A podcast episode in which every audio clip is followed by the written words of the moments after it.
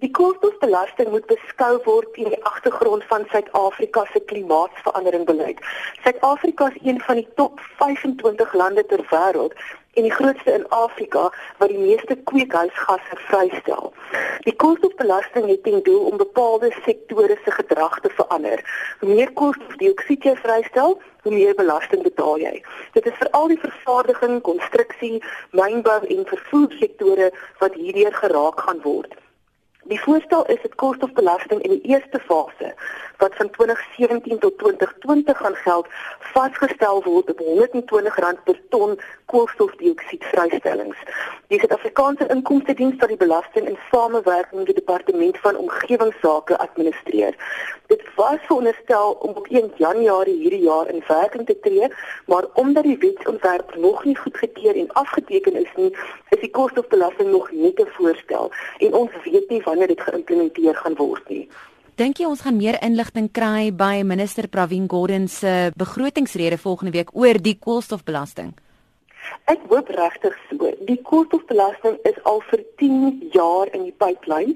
Dit is reeds in 2007 deur die kabinet voorgestel en is al deur verskeie rondes van besprekings en 'n dokument wat uitgereik is en 'n wetsontwerp wat uitgereik is en die Duiwes Belastingkommissie was een van die rolspelers wat hierop kommentaar gelewer het. Dit is goed so dat die regering vir mens kans gee om kommentaar daarop te lewer, maar ons het op hierdie tydstip nou sekerheid nodig oor wanneer dit in werking gestel gaan word. Wat lys diegene wat gekant is teen hierdie koolstofbelasting as hulle redes? As Suid-Afrika 'n koolstofbelasting instel, maar ander ontwikkelende lande doen nie, sal dit vir ons ekonomies minder mededingend maak. Suid-Afrika se ekonomie is baie koolstofintensief, veral in vergelyking met ander lande. 'n Koolstofbelasting sal dus 'n baie groter negatiewe impak op ons ekonomie hê. Die elektrisiteitssektor is ook die grootste sondebok in Suid-Afrika. Dit maak ongeveer 48% uit van koolstofdioksied vrystellings en dit is omdat ons so afhanklik is van steenkool.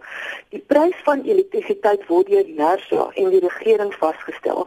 So 'n koolstofbelasting gaan geen impak op die staatsbeheerde Eskom se gedrag hê nie. Die eindverbruiker gaan bloot vir duurder elektrisiteit moet opdok.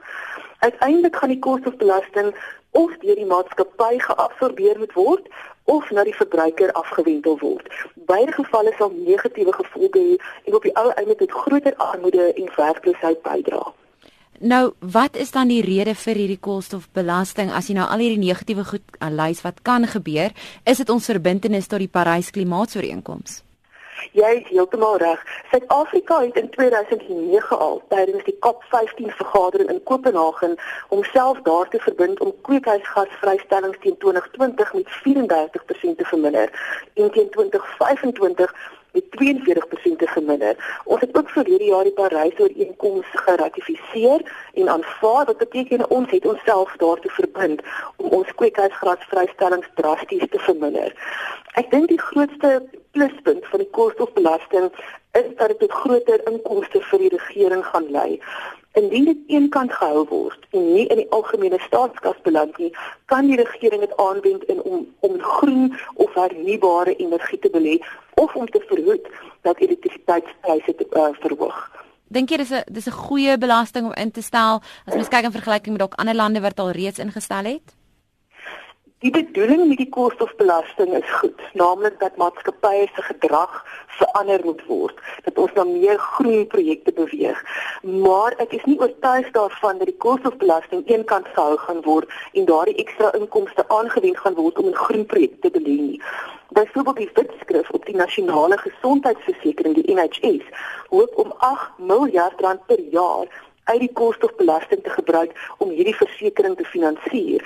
En die rede wat aangevoer word is omdat koolstofdioksiedvrystelling mense se gesondheid beïnvloed en dit daarom gepas is om die belasting so te kanaliseer. Wat my baie ontseën nie, is die omstrede kernkragplanne van die regering.